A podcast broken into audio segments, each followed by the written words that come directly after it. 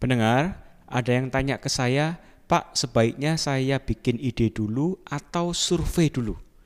Baik, kembali dengan saya DSW dalam Bukan Teori Marketing.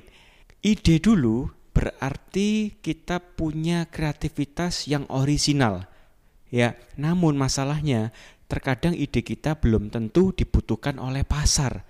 Dan sering kali banyak gagal karena ide kita terlalu kreatif sedangkan tidak ada kebutuhan pasar terkait ide kita.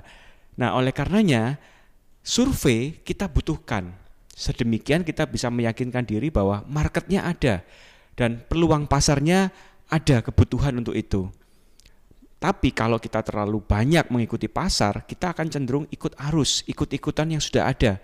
Nah, ini bicara masalah modal. Siapa yang punya modal lebih gede, ya pasti dia bisa bikin lebih murah dan akhirnya kita kalah. Nah, solusinya adalah bikin ide yang kreatif orisinal namun setengah matang.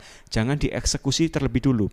Pastikan ide yang kita punya setengah matang ini kita survei ya, survei beberapa pelanggan, survei beberapa konsumen yang kita kenal dan kita sempurnakan ide kita. Sebagai contoh, misal ya, sekarang kan semua lagi COVID ya, semua pakai masker. Misal kita punya ide, mau bikin masker transparan supaya kelihatan ya bibir cantik kita, hidung kita yang mancung kita bisa lihatkan. Nah, kita perlu survei. Ternyata hasil surveinya mengatakan yang berbeda. Rupanya masker ini adalah alat untuk menutupi juga.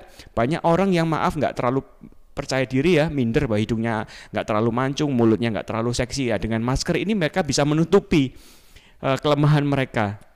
Ternyata lebih banyak yang ingin menutupi dirinya ketimbang yang ingin menunjukkan gigi cantiknya.